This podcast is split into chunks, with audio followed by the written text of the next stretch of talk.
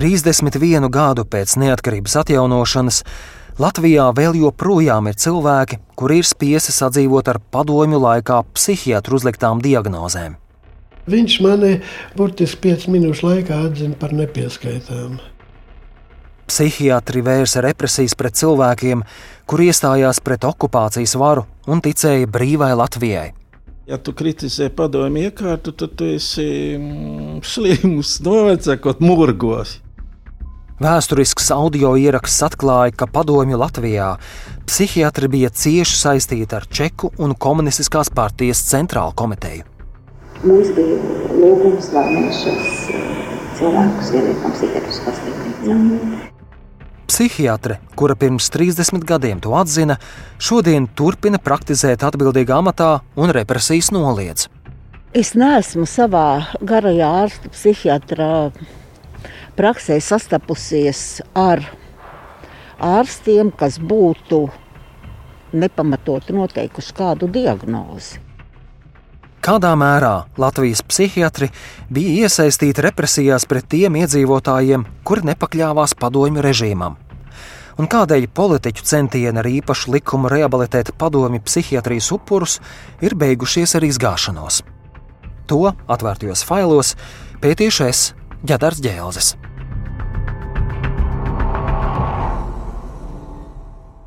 Pirmā daļa - insulīna šoka terapija. Divas lūdzu, saldos. Kaut kāda mūcija varbūt kaut ko. Nē, paldies. Ir 2013. gada mājas.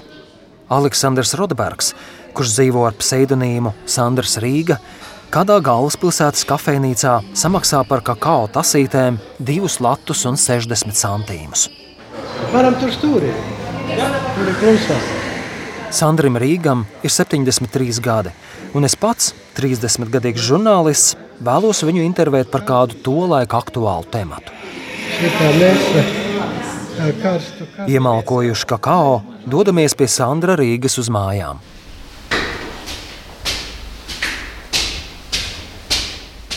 Savā dzīvoklī viņš sāk stāstīt. Es jaunību pavadīju tā bohēmiski, mācījos par mākslinieku un tā.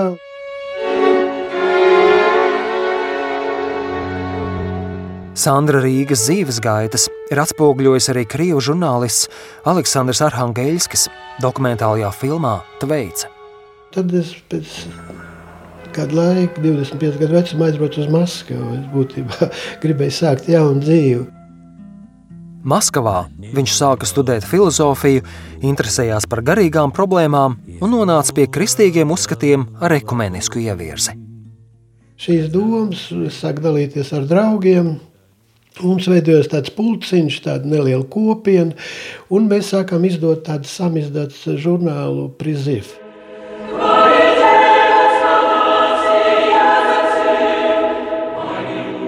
Priziv, jeb aicinājums, iznāca vairākus gadus. Pamazām Padomju Savienībā ap samizdatu sāka veidoties kustība. Un tad eh, viņi bija atraduši čekisti, ka mēs esam jau kaut kāda organizācija, kuru vajadzētu ņemt ciet, jo mēs sākam jaunatni, kas saka, musināt un samaitāt padomu jaunatni. При обыске в комнате изъято 1984. gada februārī pie Sandra Rīgas dzīvokļa durvīm Maskavā pieklauvēja valsts drošības komitejas darbinieki. Ienāca iekšā, eh, sāk kratīt, viss izklaudzināt, viss iztaust. Un neko tādu sevišķi neatrada kompromatu, jo man arī nebija. Сандра Рига не сразу понял, что его ждет. Čekas darboņi viņu apcietināja un ievietoja Butirku cietumā, lielākajā ieslodzījuma vietā Maskavā. Izmeklētāji redz, ka es ne par vienu nestāstu. Nu, viņi jūt, ka kaut kādīgi nevar sastipēt. Tad izmeklētāji sacīja, ka notiks psihiatriska pārbaude. Man aizsūtīja uz tādu slimnīcu, kur strādāja profesors Markovkins. Viņš mani burtiski 5 minūšu laikā atzina par nepieskaitāmu. Sandram Rīgam noteica diagnozi lēni noritoša šizofrēnija. 1985. gada ziemas salā Sandra Rīgu nosūtījusi slēgta tipa specializēto psihiatrisko slimnīcu tālajos austrumos Blagovešķenskā. В тюремной Благовещенской психушке Сандра окружали реальные сумасшедшие, убийцы и маньяки. Tur viņu ieslodzīja kopā ar maniakiem un slepkavām. Sākās piespiedu ārstēšana.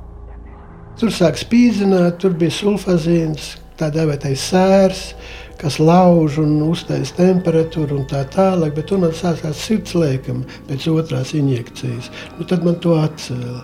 Pēc tam vairāk, eh, daudz mēnešu man tur visāds triptazīns, eh, tezercīna lēkam. Tas bija tikai iesākums. Pēkšņi man saka Rīga, Svišķāmi Rīga ar mantām ejam uz insulīnu palātu. Nu, tad es baigi no, norausties. Tad es trīs mēnešus gulēju tajā insulīna palātā, un tur viņi cenšas cilvēkā izsaukt šoku. Ideja ir tāda, ka tev iešpricē insulīnu, kurš noēd visu cukuru no smadzenēm, nu, visu glikozi. Un pēc kādām minūtēm, es nezinu, 15, 20, tur ir kaut kāda norma, tu esi šokā. Ziniet, muzikāli es klausos Jēzus Kristus superstar. Tur, kad Kristus krustā sišana, un viņam tā attiet, attiet viņš tā ieiet nāvē. muzikāli tas ir ļoti izteikti. Saprot, tāda vibrācija notiek tevī, un pēkšņi tu nomirsti. Un tad tev ielaiž vēnā šo insulīnu, un vēl dod dzert glikozi. Un smadzenēs atkal ieplūst cukurs, glikozi, un tu tā lēnā garā atdzīvojies. Man tur sākās visāds griezās, griezās galva.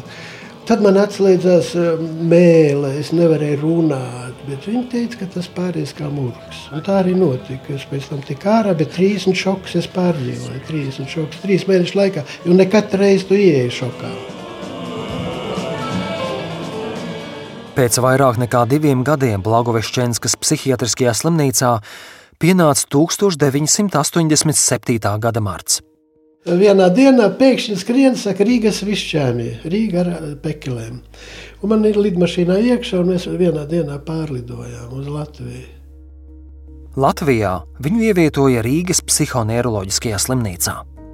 Man faktiski te neārstēja. Man turēja vienkārši, nu, kā vajadzēja turēt. Rīgas psihiatriskajā slimnīcā viņš pavadīja četrus mēnešus. Tad, laikam, no Maskavas bija atnākusi pavēle, ka jālaiž ārā. Jo 87. gadā jau sāk visas disidents laist ārā. Dakteris pateica Sandram Rīgam, ka ir pienākusi arī viņa atbrīvošanas diena. Kad es rakstīju sēriju, es teicu, lai noņem man diagnozi. Viņš saka, to nevar izdarīt. Ar to beidzās. Sandrs Rīga stāsta, ka Latvijas psihiatri pēc neatkarības atgūšanas nereizi nav ar viņu sazinājušies vai mēģinājuši viņu pārbaudīt. Ja viņi saprata, ka tā ir netīra lieta. Sandrs Rīga nav vienīgais padomju psihiatru upuris, kura stāstu es uzklausīju pirms deviņiem gadiem. Otra daļa - slimas vārnas ķerkšana.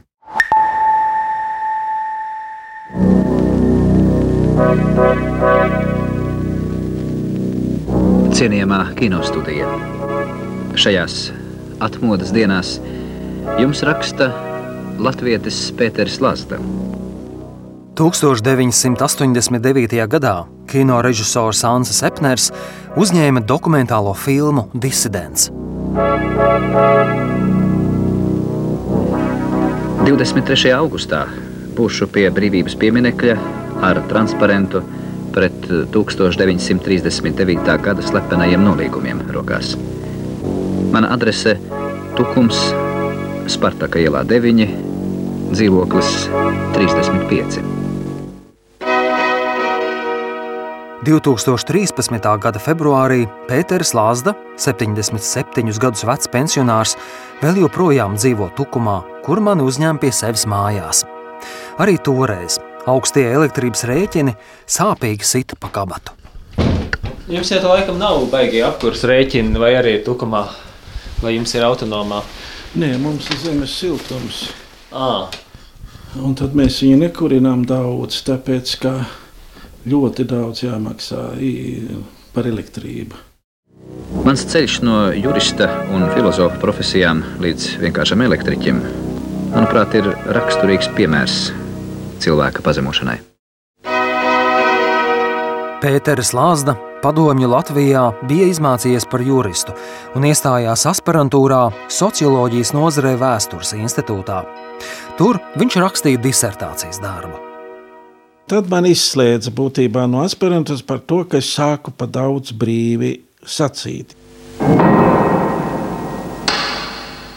Viņš redzēja, ka komunistiskā ideoloģija ir pārāk uzmācīga. Padomju režīms cilvēkus apspieda.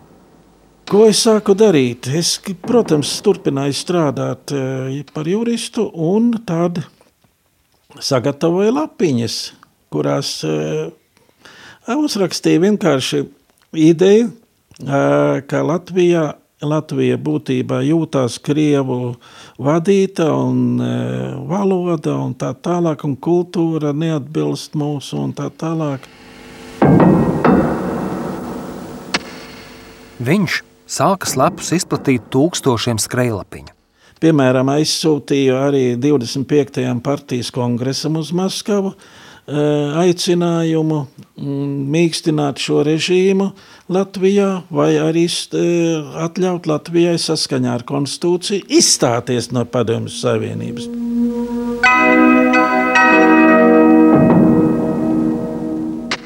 Pēters Lazda mudināja cilvēkus uzsākt cīņu pret režīmu. Tad masveidīgi kur tas ir iespējams, vēburtu uzrakstīt. Teiks. Mums vēl kaut vai uz, eh, ar krāsu vai ar eh, pirkstu uz autobusa notputējušiem sāniem vai vienalga kur, kaut kādā veidā. Tad pienāca 1977. gada 9. novembris. Nu, un vakarā, kad es braucu ar mašīnīti mājās, tad mani uz ceļa apturēja no abām pusēm, piebrauca klāt priekšā. Nu, tas arī bija viss. VDK darbinieki viņu aizved uz stūra māju, kur gandrīz gadu nācās pavadīt ieslodzījumā. Izturējās laipni. Es neteikšu, ka sita vai daudzīja, nē, bet var jau ar baltiem cimdiem arī noslepkavot, vai ne? Tā kā galvenais šeit bija tā ārkārtīgā mašinērija parādījās. Pēters Lāsde ir pārliecināts, ka VDK pasūtīja, lai psihiatri Rīgas psihoneiroloģiskajā slimnīcā viņam uzliktu diagnozi šizofrēnija reformu murgos. Tā kā ja tu kritizē padomju iekārtu, tad tu esi mm, slims, novecākot murgos. Tad tu murgo. Un zini, ka zīmīgi bija laikrakstā cīņa, kad lapiņas jau bija izplatītas un tā tālāk. Bija rakstīts, ka tie ir murgi. Ja? Slimas vārnas ķērkšana. Tiesa nosūtīja Pēteru Lāzdu uz Ļeņingradas pašreizējās Sanktpēterburgas, bet pēc tam uz Volgogradas apgabala Dvorjānskas slēgta tipa speciālajām psihiatriskajām slimnīcām. Kad es salīdzinu Ļeņingradā, kādā bija, tie bija sadisti. Viņi bija gatavi tevi iznīcināt. Turpretī Dvorjānskā tie cilvēki bija nu, līdzjūtīgi. Un tiem tu neieskaidros, indēnost šito. Dakteris ir dakteris tomēr. 1981. gadā no Dvorjānskas viņu pārveda uz Latviju. Šis bija Rīgas e, psihoneiroloģiskā slimnīcā. Nu, tad ar doktoru apskatījās, ka nu, es jau tur aktīvi tāpat piedalījos tajā sadzīvē. Tur pat es atceros sienas avīzes pat taisīju. Tad viņi jau redz, ka cilvēks kā cilvēks normāls, tad jālaiž mājās, ko tad te turēs. Četrus mēnešus vēlāk Pētera Lāzdu izrakstīja no slimnīcas, bet gluži tāpat kā Sandram Rīgam, diagnoze viņam palika. Tad, kad man atbrīvoja un Latvijā es nonācu atpakaļ, Nekur neviens neuzdrošināsies ņemt tevi darbā. Lūk, tad bija milzīgs ierobežojums. Pat par strādnieku jau skatījās, neņēma. Kāds poliklīnikas vadītājs gan viņu pieņēma darbā par elektriķi. Bet šodien man nav ierobežojumi nekādu no teiksim, darba viedokļa vai sociālā stāvokļa. Vienīgais, kas varētu būt no valsts puses, ir ierobežojums tas, manuprāt, ka šiem brīvības cīnītājiem valsts, kā saka, nu, nedod pienācīgo novērtējumu. Iespēja, ka viņu Latvijā varētu rehabilitēt pēc tik daudziem gadiem, viņam šķiet maz ticama. Pēters Lāsda stāsta, ka tas tikai uzjundītu sāpīgas atmiņas. Es personīgi negribu vairs publicitāti par šo jautājumu, vēlreiz celt augšā un pierādīt, ka es esmu vesels. Tas nav iespējams pierādīt, ka tu esi vesels psihiatrijā. Tas nav iespējams. To saprotot, man nav vajadzīga nekāda rehabilitācija. Trešā daļa - visciešākā saite ar to.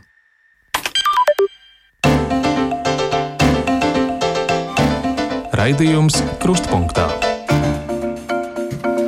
Jā, mēs aizsmeļamies Tomsons. Šajā stundā pievēršamies tematam, kurš ir, nu, varbūt sacīsim tā, ar apmēram 20 gadu vecu bārdu. Vispirms, doktors Kundze, jautāšu jums, jūs zināt tādus cilvēkus pati arī, kas padomju laikā, nu, kā saka, pēdiņās būtu ārstēti šādā veidā? Tā tad es sākšu jā, ar tādu jums, jā. ievadu, ka es psihiatrijā strādāju 55 gadus. Oh. Un nesmu nevienu tādu sastapusi.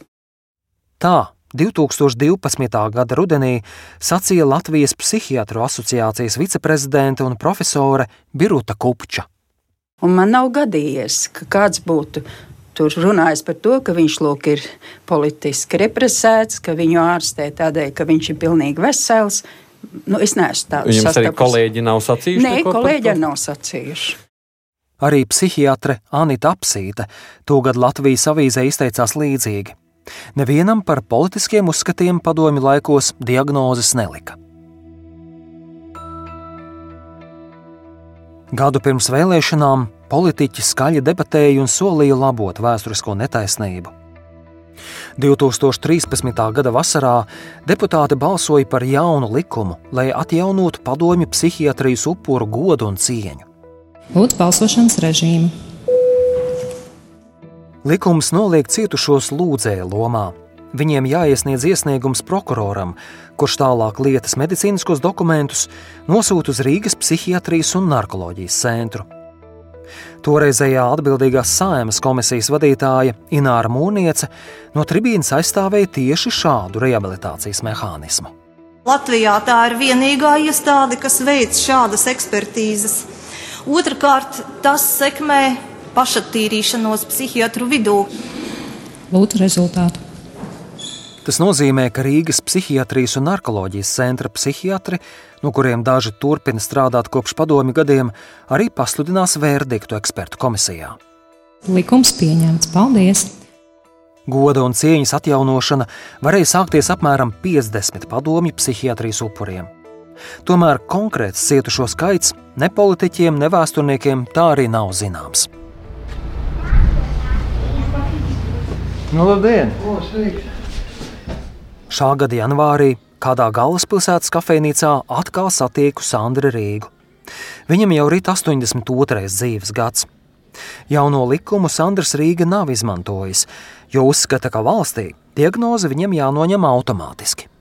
Tādā normālā sabiedrībā vēl at, atvainotos. Diagnoze šodien joprojām ir spēkā arī Pēterim Lazdam.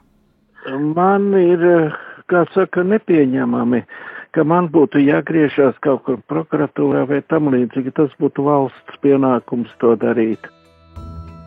Jautāju virsprokurorei Antrai Sprudzānē. Cik daudz cilvēku pēdējo deviņu gadu laikā ir lūguši, lai viņiem noņem diagnozi? Prokuratūra tātad attiecīgi ir saņēmusi divu personu iesniegumus saskaņā ar šo likumu. Sprudzāne atzīst, personas goda un cieņa nav atjaunota, citiem vārdiem sakot, diagnoze nav noņemta nevienam cilvēkam. Kas lika deputātei Inārai Mūrniecei toreiz domāt, ka jaunais likums sekmēs pašatīrīšanos starp psihiatriem? To man neizdevās noskaidrot, jo Ināra Mūrniece nepiekrita intervijai. Vēršos pie pašiem psihiatriem. Labdien, roku nedošu. Pārdaugavā tikos ar Anitu apsīti. Viņa ir Rīgas psihiatrijas un narkoloģijas centra galvenā tiesu psihiatrijas eksperte. Es viņai jautāju, kādēļ Latvijas psihiatri vēl joprojām nav atzinuši un nosodījuši to, kas notika padomju laikos. Es neesmu savā garajā ārsta psihiatrā praksē sastapusies ar ārstiem, kas būtu nepamatot noteikuši kādu diagnozi. Anita Apsīte gan esot lasījusi kādu britu pētījumu, kurā minēts, ka Latvijas psihiatri ir bijuši daļa no padomju represīvās sistēmas. Ja tas ir bijis bez šaubām, tā ir nekrietna rīcība. Tur es neko nevaru ne pielikt, ne atņemt. Uh, melot un ārsta melot, tas nav pieņemami. –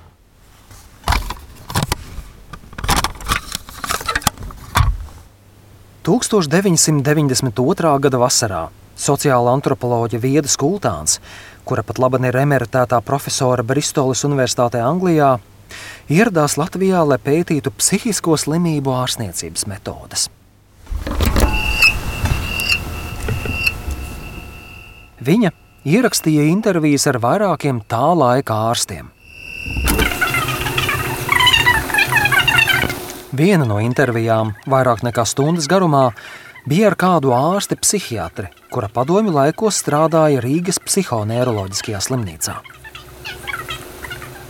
Šo audio ierakstu profesora Vieda Skultāns ir nodevusi manā rīcībā. Pētniece intervēja ārsti psihiatri, kurai tolaik bija 38 gadi. Viņas vārds ir Anita Apsīte. Tad, kad es sāku strādāt eh, psihiatrijā 85. gadā, es atceros, ka bija mutiski norādīts, rakstīta pavēle tāda nebija, bet tikai bija telefoniski norādīts, tuvojas svētki, valsts svētki, 1. mājas vai oktobra svētki. Un šajos uh, svētkos, bija paredzēti gājieni, demonstrācijas, pirms tam vajadzēja paslēpt psihiatriskajās slimnīcās visas psihiski slimos, kuri bija ar tādām asociālām darbībām, kas varēja iet gājienā un es nevis viņa portreta, bet savu vīra portretu. À, jā, atceros. Es iedodu Anitai apsītei izdrukātu intervijas transkripciju, un viņa sāk savā balsī lasīt pirms 30 gadiem pašas teiktos vārdus. Vai tie, kas rakstīja dažādas lapiņas, skrējlapiņas, mm -hmm. vai tie, kas bija tādi nejauki un varēja demonstrācijas laikā kaut kādas apolitiskas lietas izpļaut mm -hmm. savas psihiskās slimības dēļ, ne tāda, kas bija savas pārliecības dēļ. Mums bija lūgums, lai mēs šos cilvēkus ieliekam psihiatriskā slimnīcā. Mm -hmm. Un ļoti labprāt šim nolūkam mums deva policijas palīdzību. Mm -hmm. Policija atbrauca, neprasīja, vai kā te vietu mums mm -hmm. te ir, psihiatriskā slimnīca. Prom, jā. Mm -hmm. Viedas kultāns ierakstā jautā, kuros gados tas bija? 85. gadā tā tas notika. Vienā gadā tikai. Nē, līdz tam tas bija. Līdz, līdz 85. Mm. 85. es sāku strādāt, tas vēl bija. Mm -hmm. Bet ātri vien, manuprāt, kaut kur ap 86. gadu no mūsu ārstu vidus pacēlās tādi jautājumi, kāpēc mums šie cilvēki ir jāliek slimnīcā, ja viņu psihiskais stāvoklis neprasa viņu ievietošanu slimnīcā. Mm -hmm. Viņš nav neagresīvs, nekāds. Un kāpēc mums ir no tā jāsargās, jābaidās, ka kāds kaut ko mm -hmm. izdarīs, ja šobrīd viņš ir labs? Mm -hmm. Un mēs atteicāmies. Mm -hmm. Pateicoties, man liekas, tā bija doktora Lukina, pateicoties viņai, mēs tā sākām mm -hmm. sacīt, ka, ziniet, viņa psihiskais stāvoklis ir pietiekoši labs, lai viņu neliktu psihiskais. Kādā apmērā tas notika, cik tur bija apmēram tie cilvēki? Cilvēki apmēram 10-15. Tikai? Jā. Nu, es tagad nevaru komentēt. Varbūt tad es zināju, tagad es vairs neatceros, vai bija tik daudz vai nē. Mums ir tāda atsevišķa slimnieku grupa izdalīta. Tie ir sabiedrībai bīstamie slimnieki. Un šīs te grupas daļa bija tie bīstamie slimnieki, kurus mm, uz svētkiem izolē slimnīcā. Tā, politiski bīstami. Ne tikai, nē. Ne tikai arī tādi ar slepkavnieciskām tendencēm. Mm -hmm.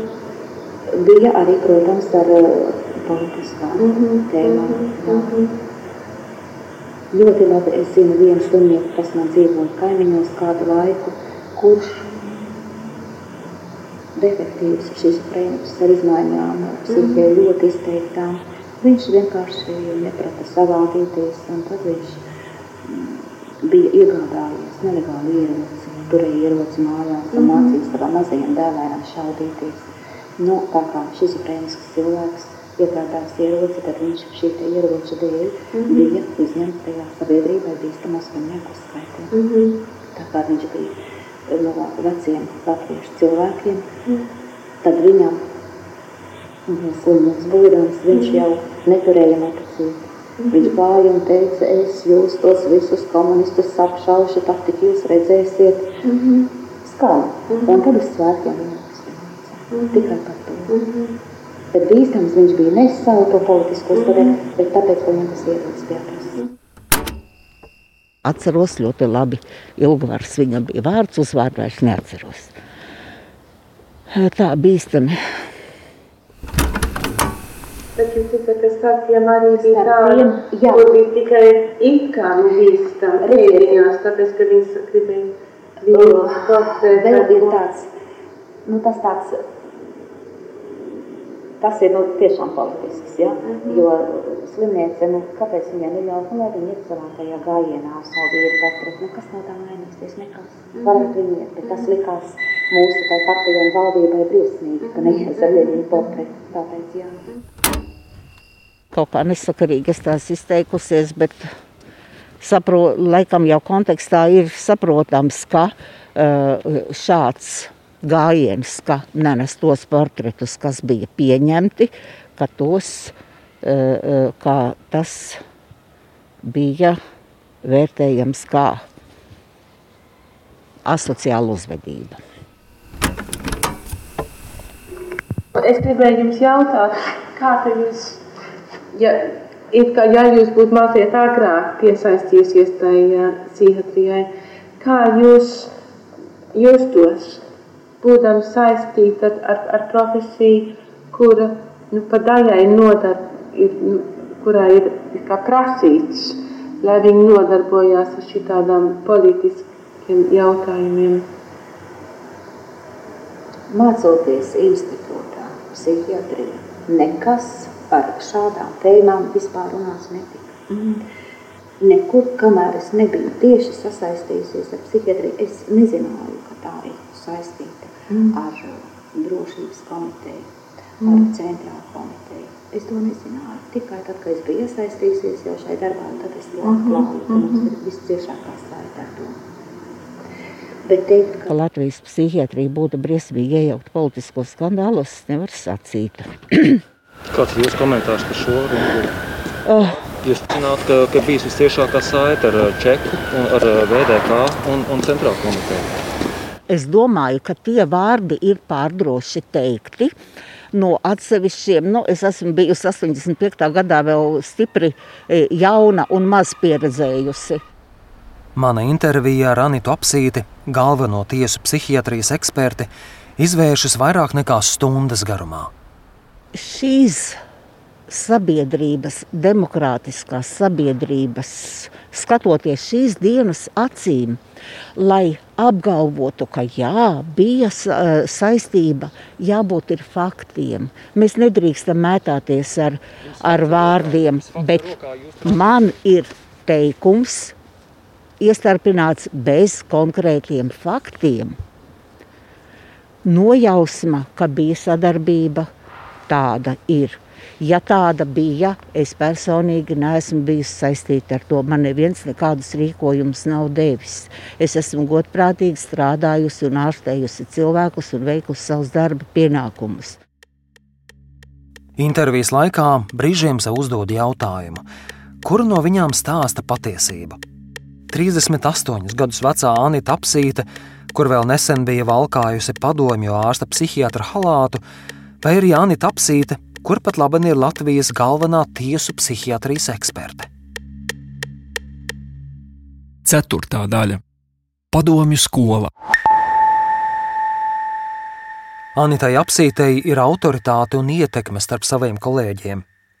Papildu saviem tiešajiem darba pienākumiem psihiatrijas un narkoloģijas centrā, viņa ir arī Latvijas Psihiatru asociācijas tiesu psihiatrijas ekspertu certifikācijas komisijas locekle.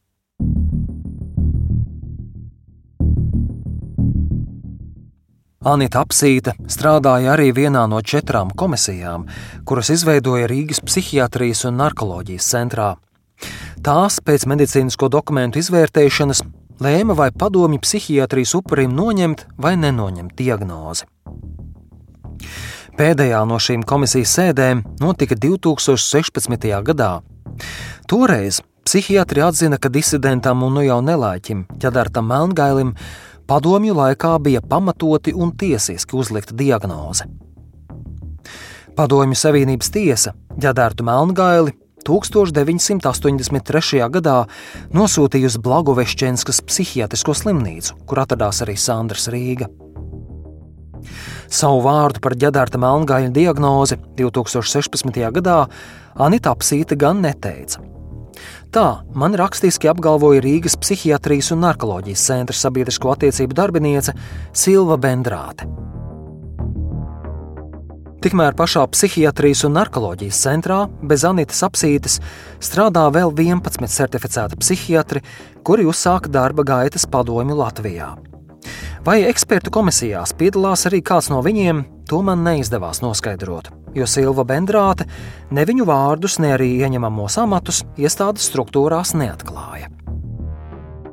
Es jautāju Anitai Apsītei, vai viņa ir gatava sevi atstatīt no psihiatru ekspertu komisijas sastāva, lai cietušajiem neradītu šaubu ēnu pār rehabilitācijas procesu. Ko jūs domājat ar atstatīšanu? Es jautāju jums, tas ir tas jautājums. Jums. Kā jūs saprotat vārdiņu atstatīt? Tā kā es neesmu nodarījusi pāri nevienam, ar vistīrāko sirdsapziņu, saucot pie vistuvāko cilvēku apziņas, neesmu nodarījusi pāri nevienam un neuzskatu, ka man būtu jāatstatās. Arī doma par ārstu psihiatru atvainošanos cietušajiem apsītē šķiet neizprotama. Tomēr vēlāk, kad intervija ir jau galā, viņa sāka pārdomāt. Bet padomājiet arī par vienu lietu. Labi, mēs esam daļa skrūvīta visā sistēmā. Bet vai tiesu sistēma ir atvainojusies? Jāsāk ar kādu. Labi. Jums, jums ir šī iespēja beidzot okay. to izdarīt. Okay. Nākamajā asociācijas sēdē ar simtprocentīgu garantiju es ieteikšu. Labi, teiksim, publisku atvainošanos. Ja? Un inicijēt, lai tas notiek, ka mēs atvainojamies tās sistēmas vārdā. Simpson kungs! Sveiki, ģedarģēls! Rīgā pie brīvības pieminekļa satieku Pēteru Simpsonu. Viņš ir valdes loceklis Latvijas politiski represēto apvienībā. Pēters Simpsons ir cilvēks, kurš pats uz savas ādas, vēl bērns būdams, ir pārdzīvojis 1949. gada deportācijas un ilgus gadus ir cietis no padomju totalitārā režīma represijām. Padomju skola man vairs nevarēja uh, iemācīt to, ko es biju iegūmis no personīgās pieredzes, kaut arī bērnībā, un no tā, ko man tēvs stāstīja no saviem piedzīvojumiem. Divus gadus Kolimas zeltraktuvēs, astoņus gadus uh, Inta ogleraktuvēs. Un, uh, Līdz ar to, kāda bija mana attieksme, es neiestājos pionieros, neiestājos kamionatnē. Pēters Simpsons stāsta, ka nevar vainot cilvēku par to, ka viņš nav bijis pietiekami drosmīgs un spēcīgs, lai pretotos režīmam vai varas prasībām ir grūti pārmest tā laika amatpersonām, speciālistiem. Vienalga, vai tie bija psihiatri, vai tiesneši, vai prokurori, eh, kuri darbojās saskaņā ar tā laika likumiem. Viņa prāt, nebūtu slikti, ja cilvēki atzītu, ka viņi bija spiesti šādi rīkoties, bet tas ir ļoti grūti. To parāda pieredze ar čekas maisiem. Vai mūsu sabiedrība ir tik tālu, attīstījusies, demokratizējusies, ka mēs spētu korekti izvērtēt katra cilvēka rīcību, viņa ļauno nodomu, vai laboticību, vai, vai vājumu, vai, vai bailes. Diemžēl mēs uz to neesam gatavi. Bet politiķiem ir jāmācās totalitārā režīma represētos cilvēkus nenolikt lūdzēju lomā. Mūsu likumdevējiem un, un tiesību sargājušām struktūrām nav bijusi interese pieiet šai tēmai pēc būtības, pētīt, pārskatīt pēc savas iniciatīvas, nevis pēc šī upura prasības vai, vai lūguma. Pēteris Lāsda, kuram pat labi ir 86 gadi, man atvainojās, ka smagā veselības stāvokļa dēļ nevar ar mani vairāk parunāties. Tikmēr kādā kafejnīcā ar Sandru Rīgu pārunājam aizvadītos deviņus gadus, kopš pēdējo reizi tikāmies. Es jautāju, Kā viņš spēja sevī rast mieru pēc visa pārdzīvotā? Es domāju, ka sirdsapziņa ir katram. Jo galvenais ir nožēlot, jo izlabot jau neko nevar. Tie nomocīties, spīdzināties, sašpricētie tā dzīvo ar to savā sirdīs. Viens ir ļauns, palicis pret citiem. Man nav ļaunums, ziniet, es tā kaut kādīgi atbrīvojos. Un es sapratu, ka tas bija pareizi jo es būtu sevi sēdis. Un es novēlu, lai viņi arī sevi nesēd, bet atrod izēju, atzīstoties un labojot savu dzīvi. Raidījumu veidoja Ģedards Ģēlzes, Anita Brauna un Reinas Budze. Atvērtie faili! Esmu Aiga Vatskalne un kopā ar citām krūtsvēža pacientēm esmu izveidojis dokumentālu stāstu Dzīvu pēc. Neuztraucies, tu vēl joprojām esi sievišķīga, un tu vēl joprojām esi sieviete. Man tas vispār nav jautājums. Nu, tu varētu man nogriezt eh, vēl daudz citas lietas, lai joprojām būtu sieviete. Mēs četratā izveidojām savu veidu dienas grāmatu, audio ziņojumu formātā. Par bailēm gan no recidīva, gan no nāves. Viss ir kārtībā. Es teicu, tieši tā kā tam ir jābūt. Meklējiet stāstu dzīvi pēc portālā LSMLV un Latvijas radio podkāstā dokumentārijas.